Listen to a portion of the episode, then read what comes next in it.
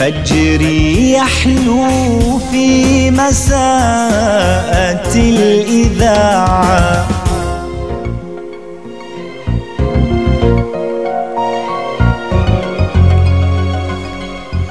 السلام عليكم ورحمة الله وبركاته. صباح الخير لكم مستمعين الكرام عبر أثير راديو نما إف إم وترددنا 88.8 صباح جديد صباح مميز صباح مختلف بنكهة الامتنان. الامتنان للصوت الإذاعي للمذياع الأول للحن الإذاعي وللرسالة الإذاعية التي لطالما غيرت وجمعت الكبار والصغار وجمعت كل الأسر. نحن اليوم نحتفل معكم باليوم العالمي للإذاعة والذي أتى تحت شعار الإذاعة والثقة. نما تحتفل اليوم آه، برفقتكم بعد مسيرة إعلامية وإذاعية خصوصا ناجحة.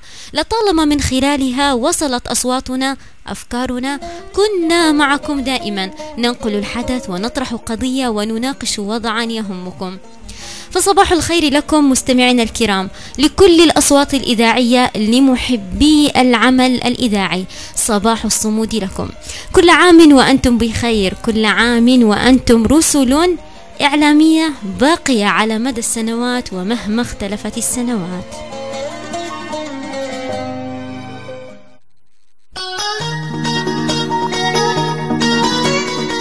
عزيزي المستمع عزيزتي المستمع عزيزتي المستمع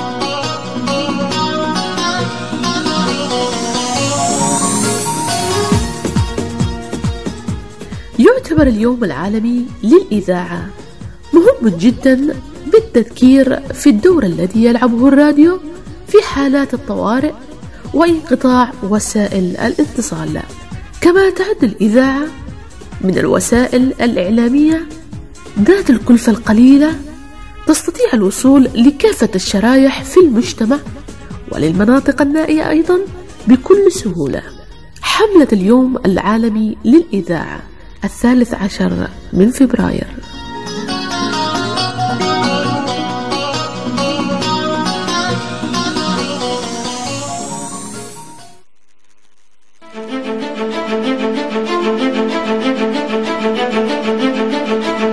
تمتلك الإذاعة القدرة على التأقلم مع المستجدات التي طرأت على أنماط حياتنا وتلبية احتياجات مجتمعنا. اليوم العالمي للإذاعة 2021 إذاعة متجددة لعالم متجدد.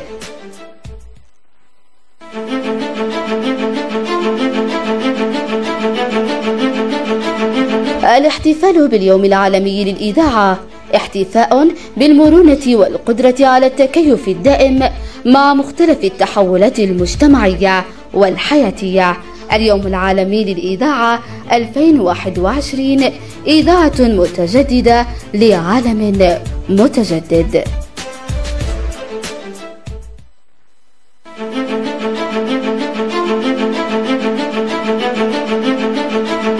تحت وطأة جائحة كورونا والحجر الصحي أثبتت الإذاعة مرونتها وقدرتها على التجدد والحضور في كافة المشاهد وساهمت بقوة في نشر المعلومات الصادقة والموثوقة من مصادرها الأساسية.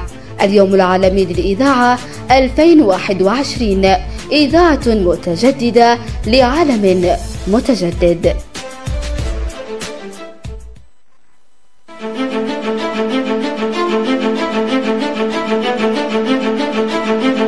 أكدت الإذاعة أنها عنصر مهم في التصدي للكثير من المغالطات والشائعات وأداة فعالة في نشر الوعي المجتمعي. اليوم العالمي للإذاعة 2021 إذاعة متجددة لعالم متجدد.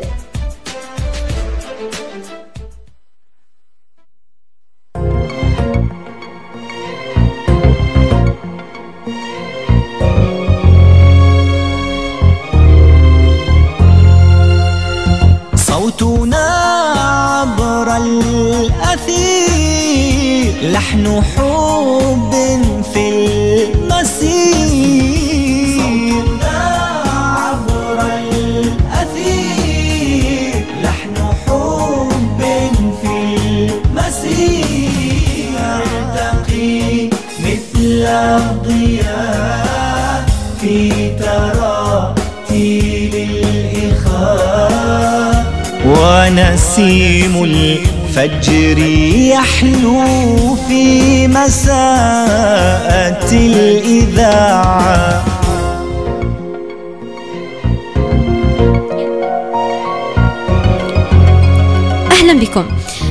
بمناسبة اليوم العالمي للإذاعة والذي يصادف 13 فبراير سنكون معكم في بث مباشر مفتوح. طبعا نستقبل فيه اتصالاتكم تهنئتكم كلماتكم وكل ما تودون طرحه آه، لنا نحن آه، نسمعكم. لذا مستمعينا الكرام كونوا معنا طوال هذه الفترة في البث المفتوح والذي فيه سنستضيف كوكبة من الإعلاميين والمذيعين والمنخرطين في العمل الإذاعي وسنتعرف على الكثير من المعلومات وكيف ما زال العمل الإذاعي آه، بنفس النهج وبنفس الطابع الذي وجدت من قبل أم حدث هنالك آه، تغييرات؟ طبعا أسئلتنا لهذا اليوم هل سيظل الإذاعة دور وحضور ومنافسة في عصر الوسائط الرقمية المتعددة والتي أصبحت تشغل كل الناس؟ طبعا نحن ننتظر تعليقاتكم أو اتصالاتكم في هذه الحلقة آه، على رقم هاتف الإذاعة ثلاثة صفر تسعة اثنان ثلاثة صفر ثلاثة صفر تسعة اثنان ثلاثة صفر أو أيضا يمكنكم مراسلتنا عبر هذا الرقم سبعة سبعة ثمانية ثلاثة خمسة خمسة صفر تسعة. نعم آه للإذاعة نعم للثقة أو الإذاعة والثقة هذا هو شعار آه هذا العام لليوم آه العالمي للإذاعة. طبعا خلال السنوات الماضية وجد هنالك الكثير من الشعارات أو في كل سنة يختلف آه، شعار الاحتفال باليوم العالمي للإذاعة. مثلا في عام 2014 كان تحت عنوان عام المساواة وتمكين المرأة عام 2015 تحت عنوان الشباب والمذياع وفي عام 2016 تحت عنوان الإذاعة في أوقات معينة. أو آه، إذا أيضا وجد عندنا هناك في عام 2018 تحت عنوان الإذاعة والرياضة وعام 2019 عنوان الإذاعة والحوار والسلام. وصولا إلى عام 2020 تحت عنوان نحن الإذاعة. ووصولا إلى عام 2021 إذاعة متجددة لعام متجدد في عام 2022 ونحن الآن نحتفل تحت شعار الإذاعة والثقة. وتحت عنوان أو تحت هذه الشعارات تندرج الكثير من الأسئلة والكثير من المحاور التي يجب أن نطرحها مع بعض ونجد إجاباتها مع ضيوف آه هذا اليوم. طبعا ثلاث مواضيع آه رئيسية آه يتم تحت الشعار هذه الإذاعة والثقة يتم وضعها ألا وهي أولا إنتاج محتوى مستقل وعالي الجودة. طبعا آه، وجاءت مثلا آه، كثير من أجل الحفاظ على ثقة المستمعين ورفع مستوى العمل الإذاعة. أيضا الموضوع الآخر الثقة وسهولة الوصول للمعلومات والإعتناء. بالجمهور. طبعا الوصول إلى مجموعة مختارة جيدة من الجمهور يعني تقديم خدمة آه، معلوماتية جيدة وعمل مشاركة اجتماعية ما بين هذه الإذاعة وما بين المستمعين. آه، أيضا هنالك أهداف مهمة جدا لهذا اليوم العالمي للإذاعة ومن أهمها زيادة الوعي الثقافي بين الناس حول الدور الكبير الذي تلعبه الإذاعة في حياتنا اليومية. كذلك إدراك الدور الفعال الذي يقدمه كافة العاملين في هذه الوسيلة السمعية القديمة وفي كل الإذاعات. طبعا فعلا هو دور كبير جدا آه، يقوم به كل المذيعين. ليس بالشيء السهل أن تصل أو أن, أن يكون هنالك لك تأثير إيجابي على كل المستمعين. نحن نتحدث بأصواتنا فقط آه، يمكن على سبيل التلفزيون تكون هنالك عمل مرئي أكثر. يرى فيه المشاهد آه، كيف يتحدث المذيع. ربما ينجذب من من كثير من الوسائل المرئية التي يراها. لكن هنا في الإذاعة تكون المسؤولية أكبر وهو أنه كيف تستطيع من خلال صوتك أن توصل الرسالة بشكل صحيح وأن تقنع المستمع بهذه الرسالة. أيضا احترام حرية التعبير من خلال الموجات الإذاعية. كذلك من أهم هذه الأهداف بناء جسر من التفاهم والحوار المتبادل بين مختلف الشعوب. يمكن هذا أيضا ما توصله الإذاعة. في كثير من البرامج ربما نستمع لمختلف الإذاعات في خصوصا إذا كان المستمع يستمع إلى مثلا موضوع يهم حياته ويخص آه، شأنه. الاجتماعي نجد كثير من التفاعل من, من المستمعين ومن الناس. يودون طرح آرائهم يودون الفضفضة بما لديهم. فهذا هو الدور اللي تلعبه الإذاعة في أنه تكون حلقة وصل ما بين المستمع وما بين الإذاعة. وهي أيضا وسيلة جدا مهمة لتبادل المعلومات. طيب في هذه اللحظة خلونا نتعرف على الإذاعة الأولى. حضرموت كيف واكبت العمل الإذاعي منذ القدم؟ ووصولا إلى الآن ما الذي اختلف آه، فيه؟ وكيف عمل الإذاعة في ظل وجود التكنولوجيا الحديثة؟ كل هذا سنتعرف عليه مع ضيف أو أول ضيف في بثنا المفتوح ولل في هذا اليوم بمناسبة الاحتفال اليوم العالمي للإذاعة الأستاذ علي باقي لكن فاصل قصير ومن ثم نستقبله لندخل معه في حوار جدا شيق عن الإذاعة والإذاعات القديمة وكيف وصلنا إلى هذا المستوى. فاصل قصير ونعود لكم. في كل منزل كانت حاضرة وفي كل الأوقات. هنا لندن. نافذة كل العالم على كل العالم. الحادي عشر بتوقيت غرينتش في راديو مونتي كارلو. إنها الإذاعة في يومها الاحتفالي الذي قررته منظمة اليونسكو عام 2011 على أن يكون في الثالث عشر من شباط فبراير كل عام.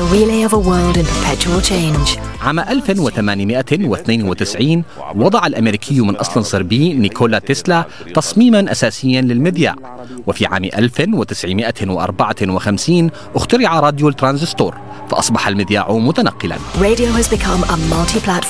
شهد البث الإذاعي تطورا كبيرا وبات بإمكان كل شخص إنشاء محطته الإذاعية الخاصة عبر الإنترنت. صوت العرب ينادي أمة العرب. في منطقتنا العربية كان للإذاعة مكانة خاصة ولمعت أسماء كبيرة مثل الإذاعي المصري أحمد سعيد. هنا القاهرة.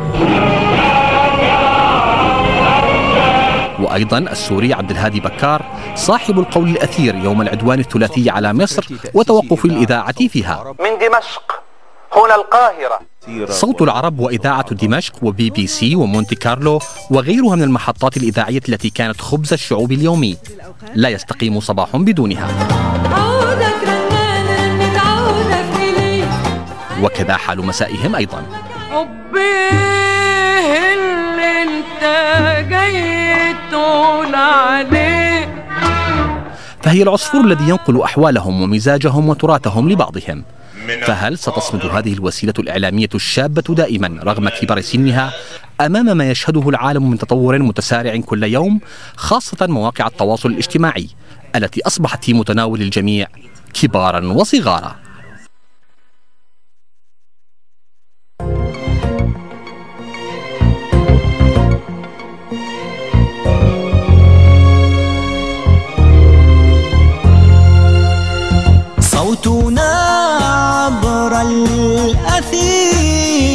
لحن حب في المسير.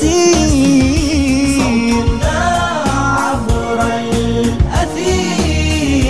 لحن حب في المسير.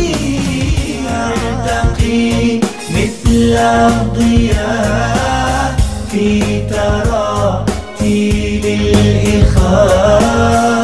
ونسيم الفجر يحلو في مساءة الإذاعة.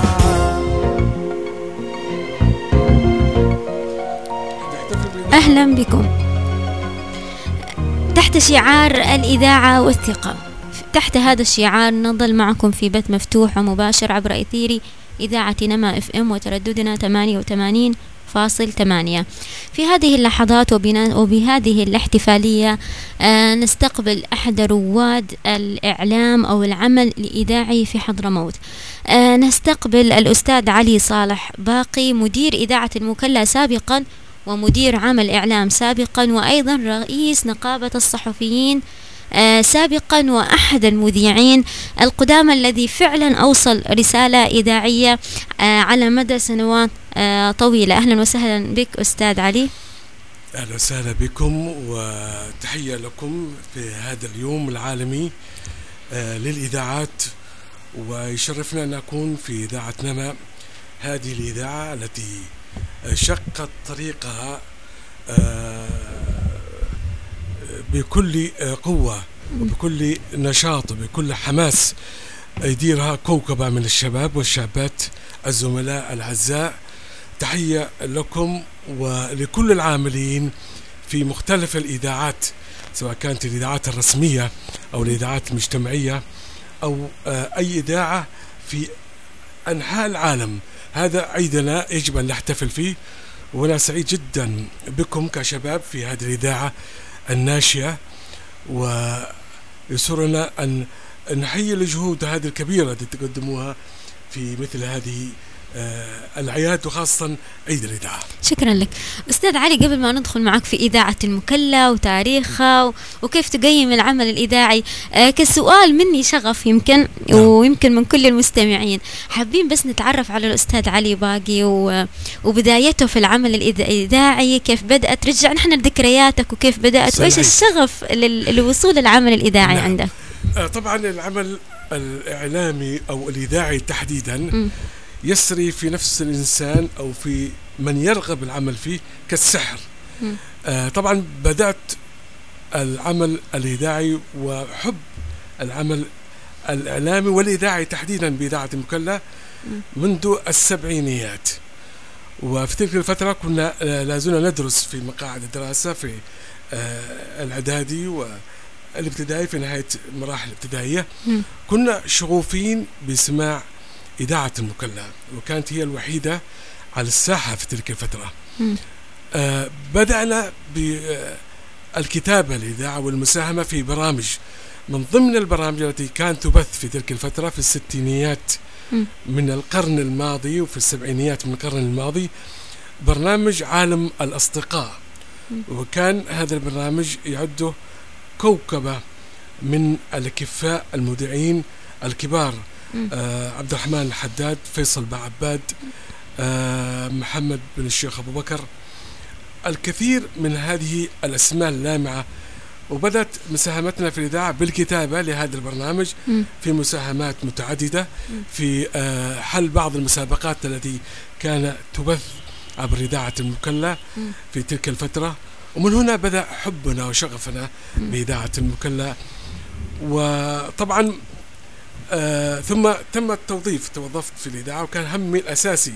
الوظيفة في إذاعة المكلا عام 82 1982 آه من القرن الماضي طبعا وبدأت العمل بإذاعة المكلا. كمحرر للأخبار في قسم الأخبار وطبعا قسم الأخبار هو دينامو أي إذاعة مم. دون قسم الأخبار بدون آه، الدخول والولوج في هذا القسم. وصياغة الخبر والاستطلاع والتنافس في صياغة الخبر مع الزملاء. لن يكون لك أي قائمة فأساس العمل الإعلامي والصحفي هو كيف تصيغ خبر كيف تعد خبر. كيف تنقل قصة للمستمع من خلال حادث معين أو. حادثة معين أو من خلال نشاط معين لمسؤول أو شيء من هذا القبيل فبدأت طبعا آه، بقسم الأخبار منذ عام 1982 إلى عام آه، 1986 مم. بعد أحداث 13 يناير. آه، عينت مديرا للأخبار وكان قبل هذه الفترة مديرا للأخبار الزميل العزيز آه، حسين عبد الله أبو مطرف هو مم. الآن في السعودية مم. والزميل آه، العزيز محمد علي عمرة مم. آه، وكان لدينا كوكبة من الشباب في هذا القسم من ضمن الأسماء آه، اللامعة والرائعة جدا المرحوم آه، الزميل العزيز آه، حسين محمد بازيات. الزميل. العزيز سالم علي الشاحت الزميل المرحوم الغالي علينا سعيد سعد خنبري والأستاذ محمد حسن باصريح وكثير من الزملاء الأعزاء. آه، منذ عام 1986 إلى عام 1988 مم. أعتقد هكذا آه، ظليت مديرا الأخبار ومن ثم بعدين آه، آه، تم تعييني مدير للبرامج.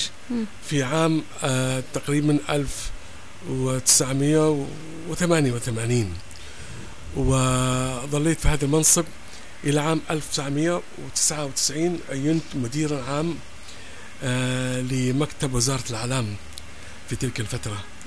ثم مدير عام آه، للإدارة العامة للإعلام والعلاقات بديوان المحافظة.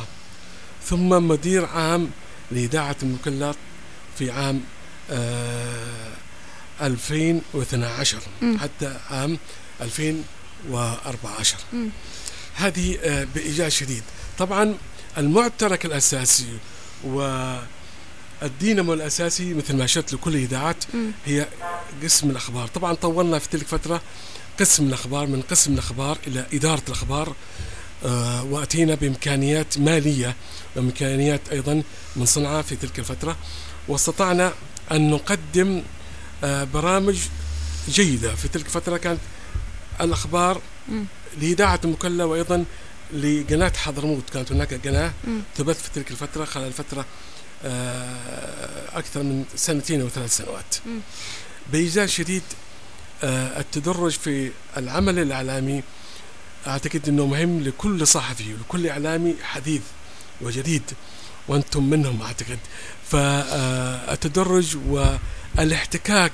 بكبار الإعلاميين والصحفيين والمحررين هذا يخلق آه، من هذا الشاب من هذا الشخص الطموح.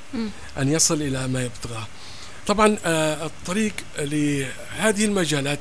ليس مفروشا بالورود على الإطلاق مم. هو مليء بالصعاب والعقبات.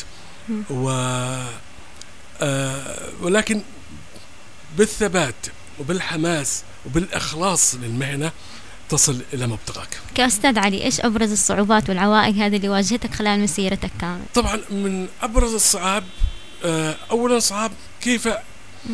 تستوعب كل جديد. تستوعب جديد وكيف تطور ذاتك آه، أنت لا تبقى على محل محلك سر في في في في في مكان واحد. يجب أن تطور من إمكانياتك اولا مم. ومن ثم إمكانيات الإدارة أو المرفق الإعلامي أو القسم مم. قولي ما تريدين يعني في هذا آه، المجال الإعلامي مم. كيف تطوره كيف تدخل الجديد. اليوم طبعا هناك خطوات كبيرة جدا في هذا المجال. المجال فعلا. الإعلامي والسمعي في تلك الفترة اللي عشناها قبل عام 90 مم. كانت هناك آه، صعوبات جمة كانت الأخبار تكتب عبر تسجيل من إذاعة عدن على سبيل المثال ومن ثم نقلها كتابيا آه، في أوراق وثم تقدم للمذيع. كانت هناك أيضا آه، تغطيات شبه يومية آه، مع المسؤولين أو تغطية فعالية معينة. فكان هناك قسم الأخبار أو إذاعة الأخبار كانت هي من تصنع الخبر. طبعا نعتمد على وكالة أنباء عدن في تلك الفترة ومن ثم وكالة أنباء سبا ولكن نحن في إدارة الأخبار كنا نصنع هذا الخبر. آه، نحضر الفعاليات ونقوم بصناعة هذا الخبر. ونقدمه آه، للمستمع. لا نعتمد فقط على وكالة أنباء معينة. أو كنا ما يجي لكم. يعني. أنتم نعم. الخبر يطلع من داخل الإذاعة نفسها نعم، كصناعة مش ك- كصناعة. بالضبط. ك... هذه هذه الميزة. وطبعا مثل ما أشرت كان هناك كوكبة من الزملاء الرائعين. كانوا نعمل معا. وشيء جميل إنه كلهم تقلدوا. آه، مدير عام إذاعة المكلا. سواء كان المرحوم الأستاذ حسين محمد بازيات.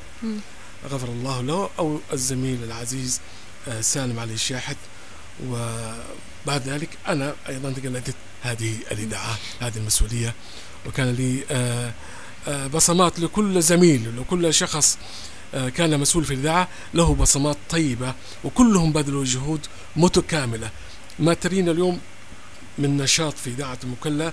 ومن استقرار ومن نوعية منتقاة من البرامج.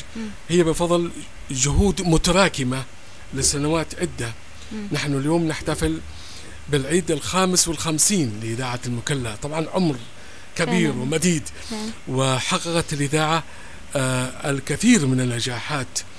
وحققت أيضا وهي بمثابة مدرسة مدرسة كبيرة أو معهد أو كلية إعلامية ممكن تسميها هكذا. مدرسة إذاعية زي ما نعم آه نعم. آه، تخرج منها العديد.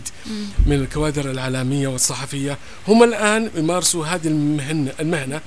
في الإمارات العربية المتحدة في دبي في أبو ظبي آه، الزميل المرحوم والانطلاقة كانت من هنا. من إذاعة المكلا فيصل بعباد الذي انتقل نعم. رحمه الله قبل أيوه أسبوعين كان مذيعا إلى أن توفاه الله في اذاعه دبي مم. آه، محمد بن الشيخ أبو بكر لا زال مذيعا في اذاعه أبو ظبي.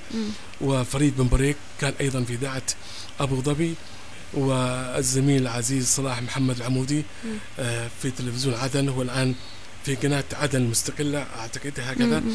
والكثير من الزملاء انتشروا آه، في العديد من الإذاعات آه، الوطنية أو خارج الوطن. جميل يعني أنت بدأت كشغف وكحب للعمل الإذاعي وإذاعة المكلا ممكن نقول أنه في البداية هي كانت ال- ال- الملجأ الأول أو المكان الأول اللي الأستاذ علي بدأ فيه وانطلق فيه وطور مهاراته وبعد كده الخبرات كلها أضفتها لإذاعة المكلا نعم. آه، أستاذ علي بعد كل المسيرة هذه اللي ذكرتها فعلا يعني ممكن أنه لو بنجلس الآن بنسوي لقاء كامل بس عن مسيرتك ونفصل في المسيرة كمرحلة مرحلة بيطول الحديث عن الشيء. كل, كل, كل فاصل يريد حلقة بالضبط. أو بالضبط كل مرحلة حلقة تحتاج قصة حلقات. نجاح كاملة. نعم. لكن يعني آه، ممكن إنه ما ما ما طلع في بالك يوم من المرات إنه قلت ما بعد كل هذه المسيرة الإعلامية الكبيرة. ممكن أن نترك خلاص اكتفيت من العمل الإذاعي وننتقل مثلا للسلك التلفزيوني أو نطمح لشيء أكبر أكبر وأكبر. ما ما راودك هذا التفكير؟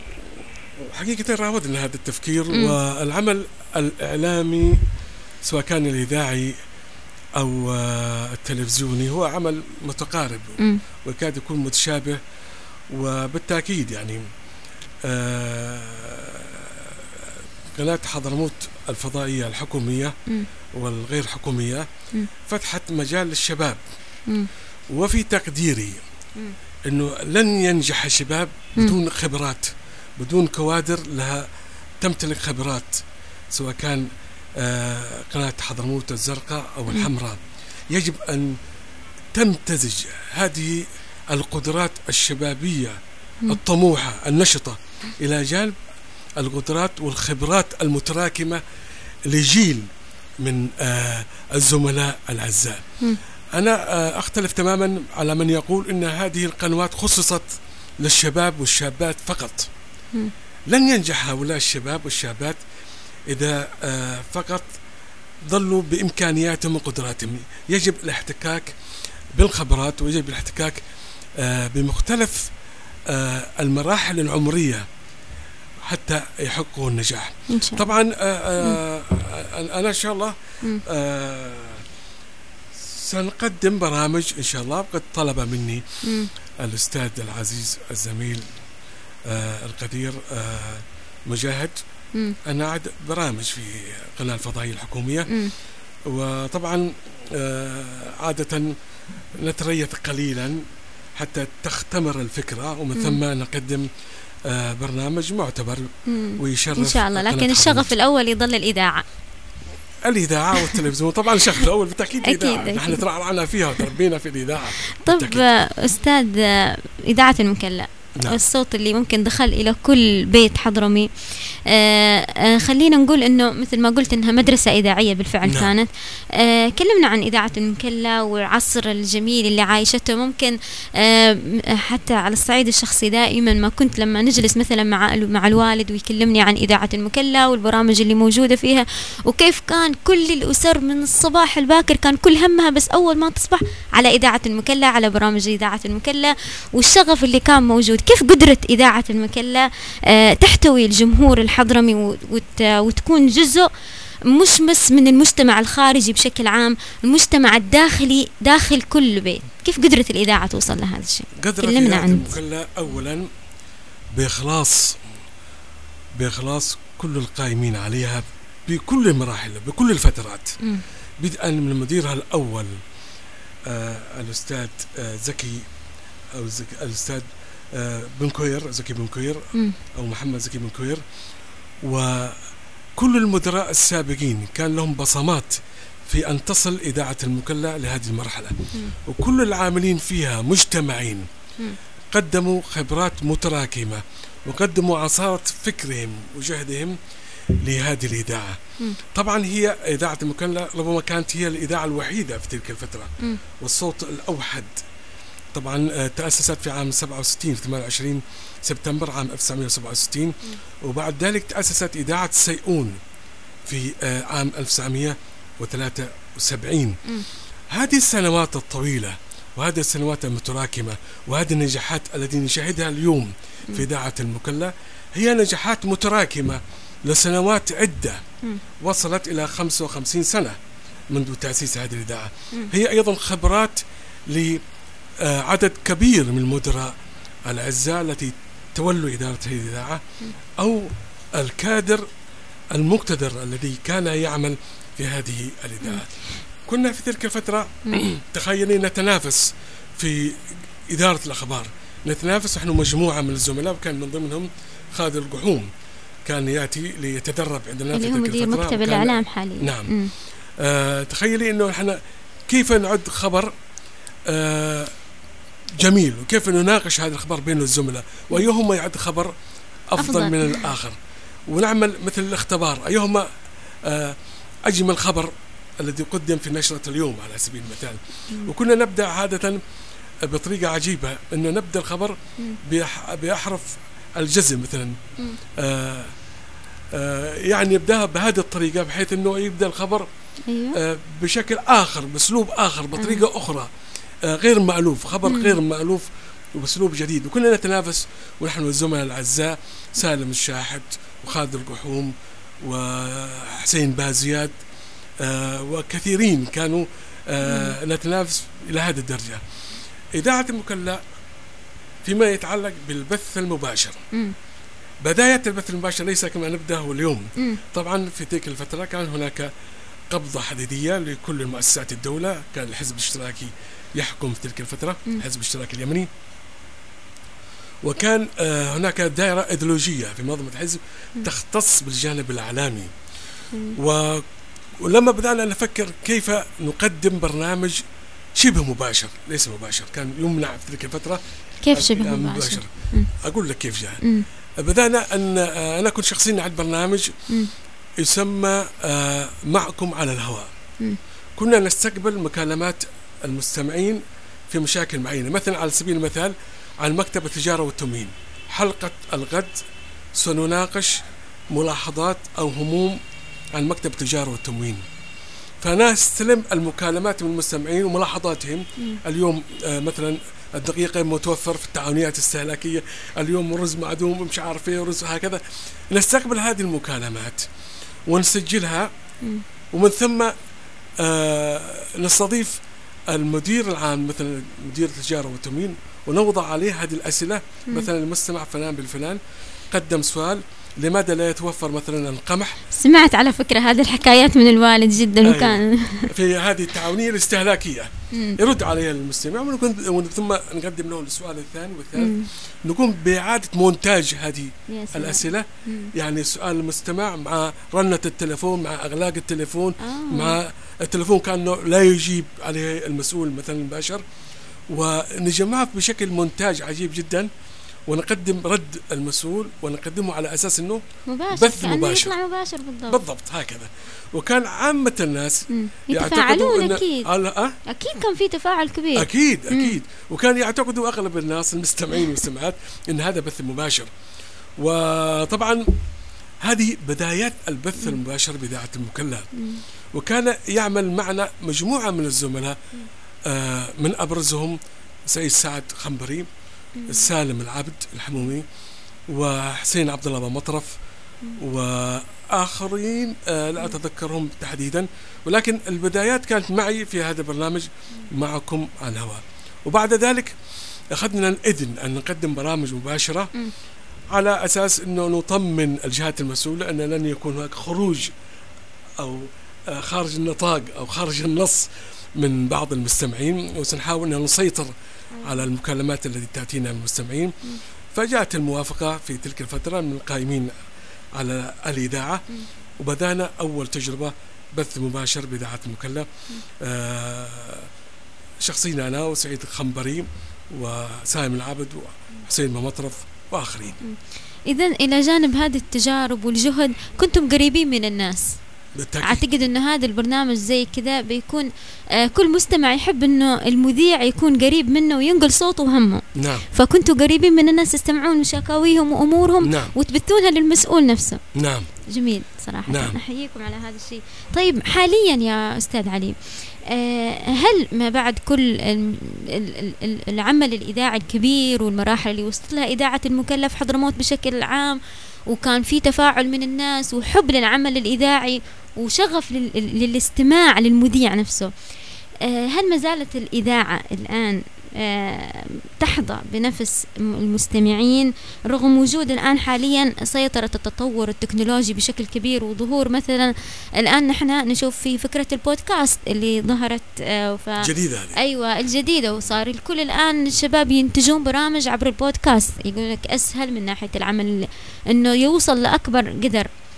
كيف تقيم الآن الواقع الإذاعي في ظل التطور التكنولوجي الحاصل؟ اليوم يعني اليوم نحن نحتفل باليوم العالمي للإذاعة مم. يجب أن تعلمي أن الإذاعة مم. أنشئت قبل مئة عام الإذاعة في العالم أنشئت من قبل أكثر من مئة عام يعني بدايات الإذاعة قبل مئة عام مم. وهي الوسيلة الأولى مم.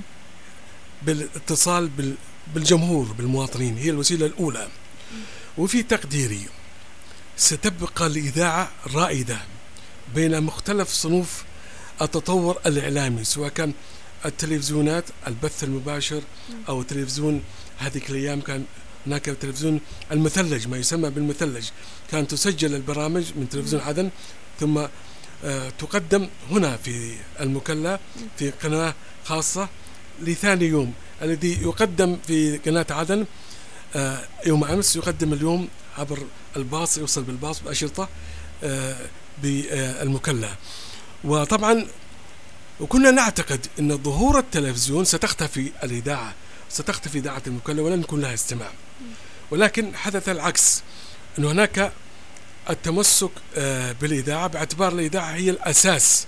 الإذاعة من ضمن ميزاتها أن ممكن تستمع لها وأنت تقود السيارة. ممكن تستمع لها المرأة ربة البيت وهي في المطبخ. ممكن تستمع لها وهي تمشي في الشارع عبر آه مقهى أو شيء من هذا الكلام. آه آه ميزة الإذاعة أن سهولة التواصل بها تفتح المذياع وتستمع عليها. بينما التلفزيون عليك أن تشاهد صوت وصورة أمامك عليك أن آه تخلو بنفسك لمشاهدة التلفزيون. آه كل الوسائل الحديثة لن تلغي دور الإذاعة على الإطلاق.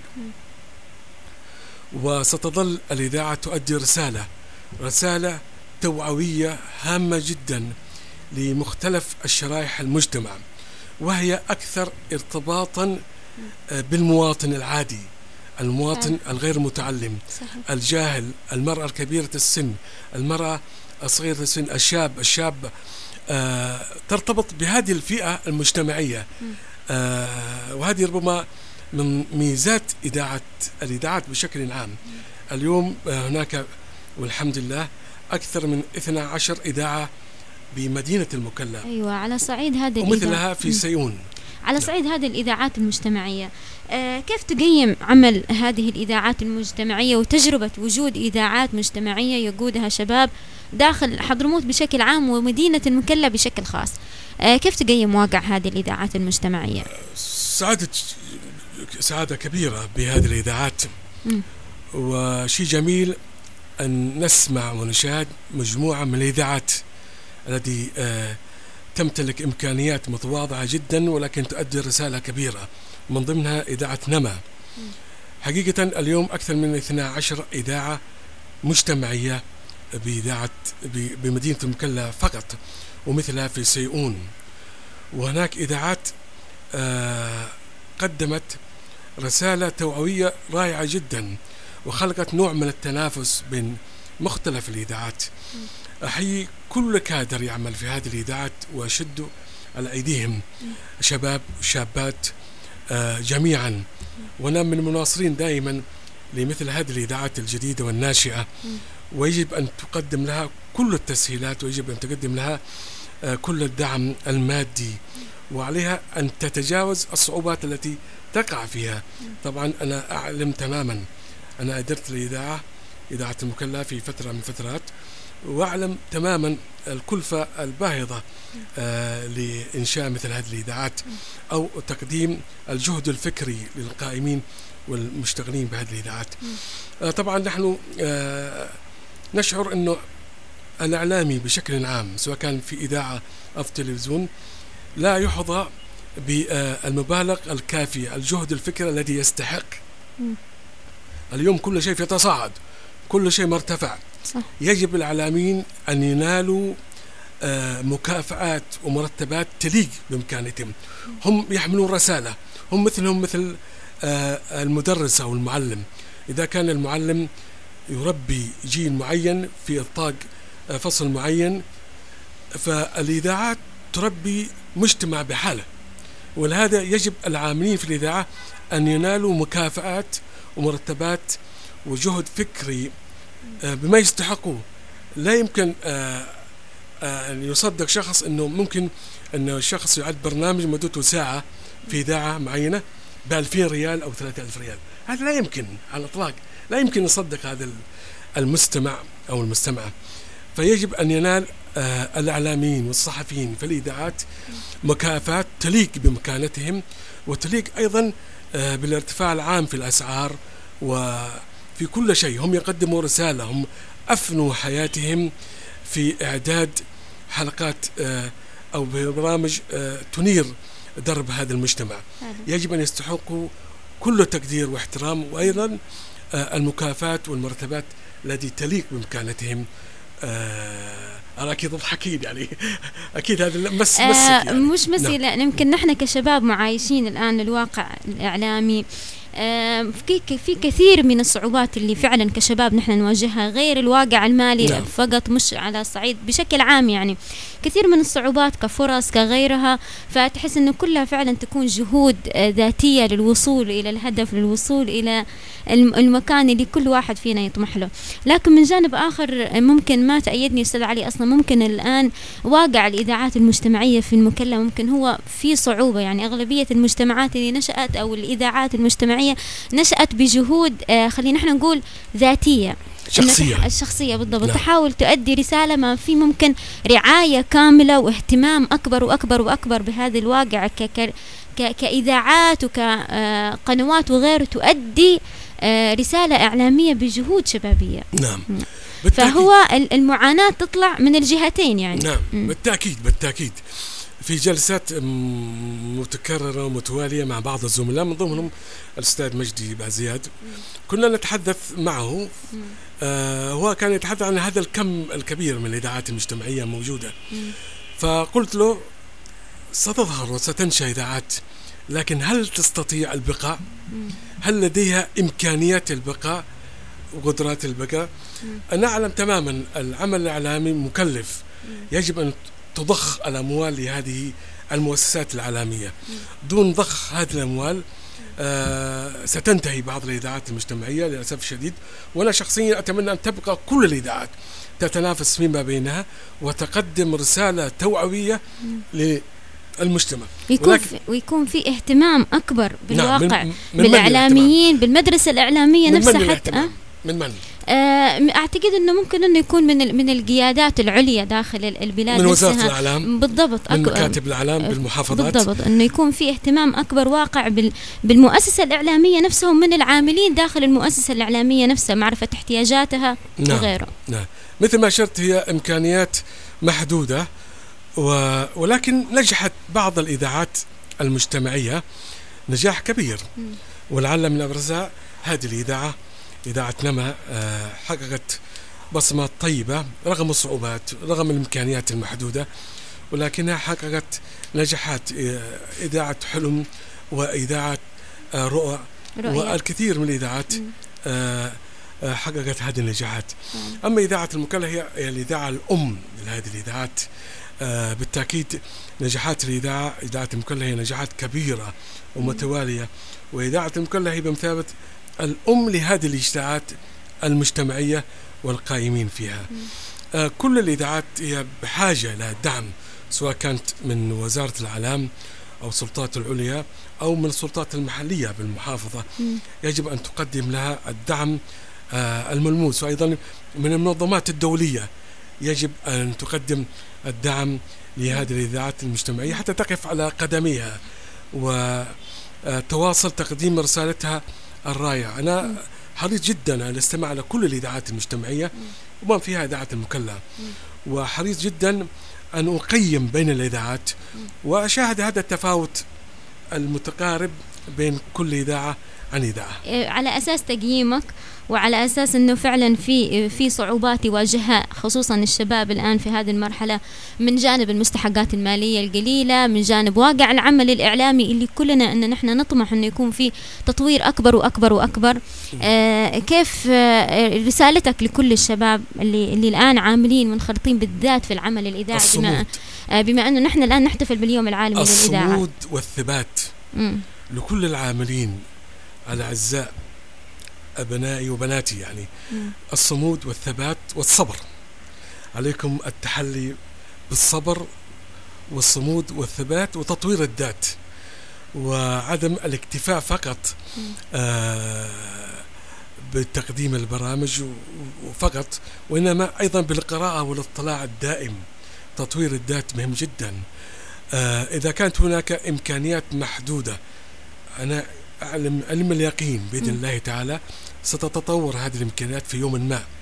وستنالوا حقوقكم وستنالوا أيضا هذه الشهرة التي تودونها وتريدونها.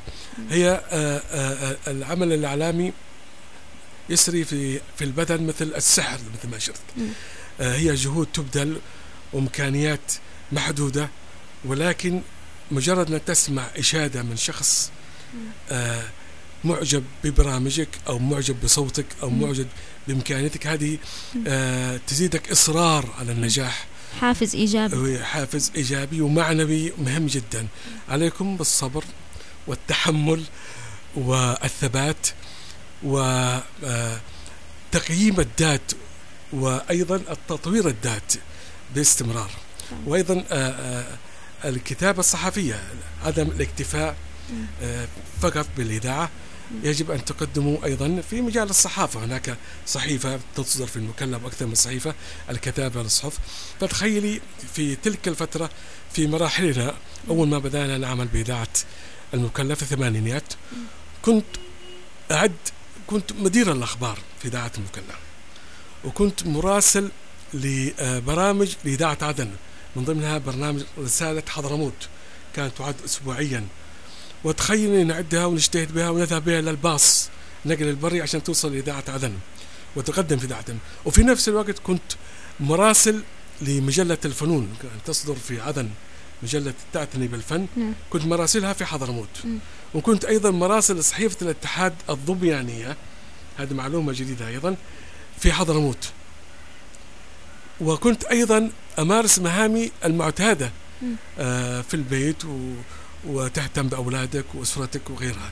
تخيلي هذه كلها نقوم بها في في ونحن نعمل في الإذاعة.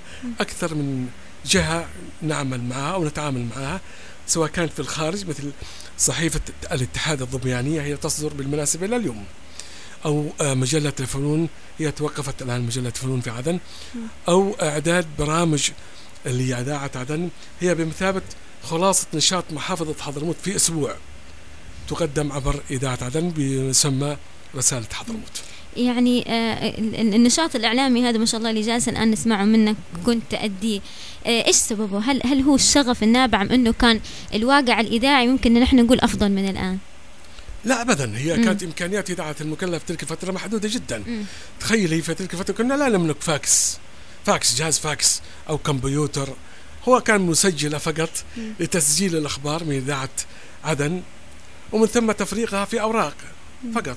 أو صناعة الخبر من خلال فعاليات معينة نقوم بتغطيتها ومن ثم تعيد تعود إلى قسم الأخبار أو اذاعه الأخبار وتصنع هذا الخبر فقط. فالإمكانيات كانت محدودة ولكن آه، كان لدينا حماس الشباب وكان لدينا أيضا كيف نثبت ذاتنا أنت جديد في العمل الإعلامي. مم.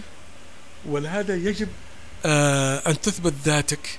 من خلال هذه الأعمال آه، المتعددة والمتنوعة سواء كان آه، في الصحافة أو في الإذاعة أو آه، في التلفزيون أو بالمناسبة كنا أيضا نعد برنامج برامج في قناة حضرموت المحلية كان في إذاعة مكلة وهذا لا يشملنا فقط أنا كان يشمل أيضا الزميل المرحوم العزيز حسين محمد بازياد كان يقوم بهذا الدور أيضا. كان مراسل لعدة صحف آه، في بجانب الرياضي. وكان أيضا سالم الشاحت الزميل العزيز سالم الشاحت نفس الشيء. وهكذا سعيد سعد خمري كان يكتب في أكثر من صحيفة تصدر في المكلا صحيفة الشرارة صحيفة 30 نوفمبر صحيفة شباب فيما بعد. كنا كلنا في تلك الفترة كتلة من الحماس والنشاط.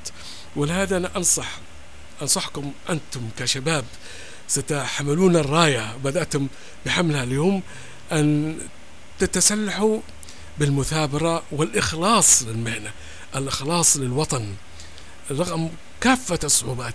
ولكن يجب علينا أن نخلص لهذا الوطن العزيز الغالي. إن شاء الله.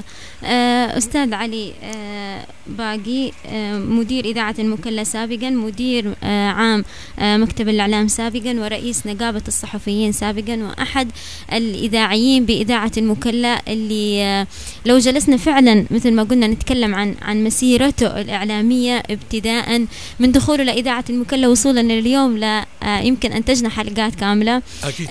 شكرا لك آه، سعدت جدا بهذه المقابلة وإني حظيت بفرصة إني أسمع تاريخ آه، شخصية إذاعية آه، حضرمية بهذا القدر رغم قلة الإمكانيات ممكن هذه الجملة اللي لخصها من كل المقابلة نعم. رغم قلة الإمكانيات اللي كانت موجودة إلا أنه حب العمل والنشاط الإعلامي والرغبة في أداء الرسالة رغم كل الظروف آه هو كان الشيء اللي كان داخل كل الإعلاميين المذيعين اللي كانوا زمان. نعم. وهذا الشيء كان المحرك الأساسي والدافع الأساسي أنه كانوا يكملون عملهم. نعم. آه شكرا لك. كلمة أخيرة حابب تقولها بهذا اللقاء. آه، من جديد. وأحيي صمودكم وثباتكم وأنصحكم أيضا بالثبات والصمود وأيضا تعزيز الإمكانيات والقدرات والصبر والتحلي بالصبر بشكل أساسي. وبالتأكيد بعد هذا الصبر والمثابرة النجاح سيحظى به كل الشباب والشابات. وأنا أقدر جهودكم الكبيرة وجهود كل الإذاعات المجتمعية وعلى رأسها طبعا الإذاعة الأم إذاعة المكلا التي صنعت هذه الكوادر آه التي نشاهدها اليوم ما فيها مدير إذاعة نما الأستاذ العزيز آه مجدي بازياد ومن قبله آه العزيز الغالي آه، المرحوم حسين محمد بازياد رغم كل الإمكانيات ورغم كل الصعوبات تحية لكم ولكل الكادر العامل في إذاعة المكلا تحديدا وقيادة الإذاعة والزملاء في الإذاعة وقيادة إذاعة نما وكل الإذاعات المجتمعية و كل عام وأنتم بخير. وكل عام وأنت بخير أيضا وتحياتنا لك. آه شكرا لتواجدك معنا ممنونين لهذه اللحظات والدقائق اللي قضيناها معك. آه مستمعينا الكرام تحت شعار الإذاعة والثقة نستمر معكم آه في هذا البث المباشر والمفتوح الذي نحتفل فيه اليوم معكم باليوم العالمي للإذاعة 13 فبراير. ما زلنا مستمرين معكم الكثير من آه الآراء وجهات النظر الضيوف اللي بيحضرون معنا أيضا فخليكم معنا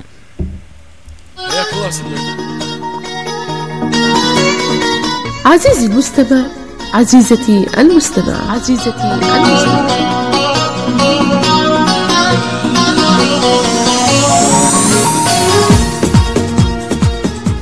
يعتبر اليوم العالمي للإذاعة مهم جدا بالتذكير في الدور الذي يلعبه الراديو في حالات الطوارئ وانقطاع وسائل الاتصال. كما تعد الإذاعة من الوسائل الإعلامية ذات الكلفة القليلة تستطيع الوصول لكافة الشرايح في المجتمع وللمناطق النائية أيضا بكل سهولة. حملة اليوم العالمي للإذاعة الثالث عشر من فبراير.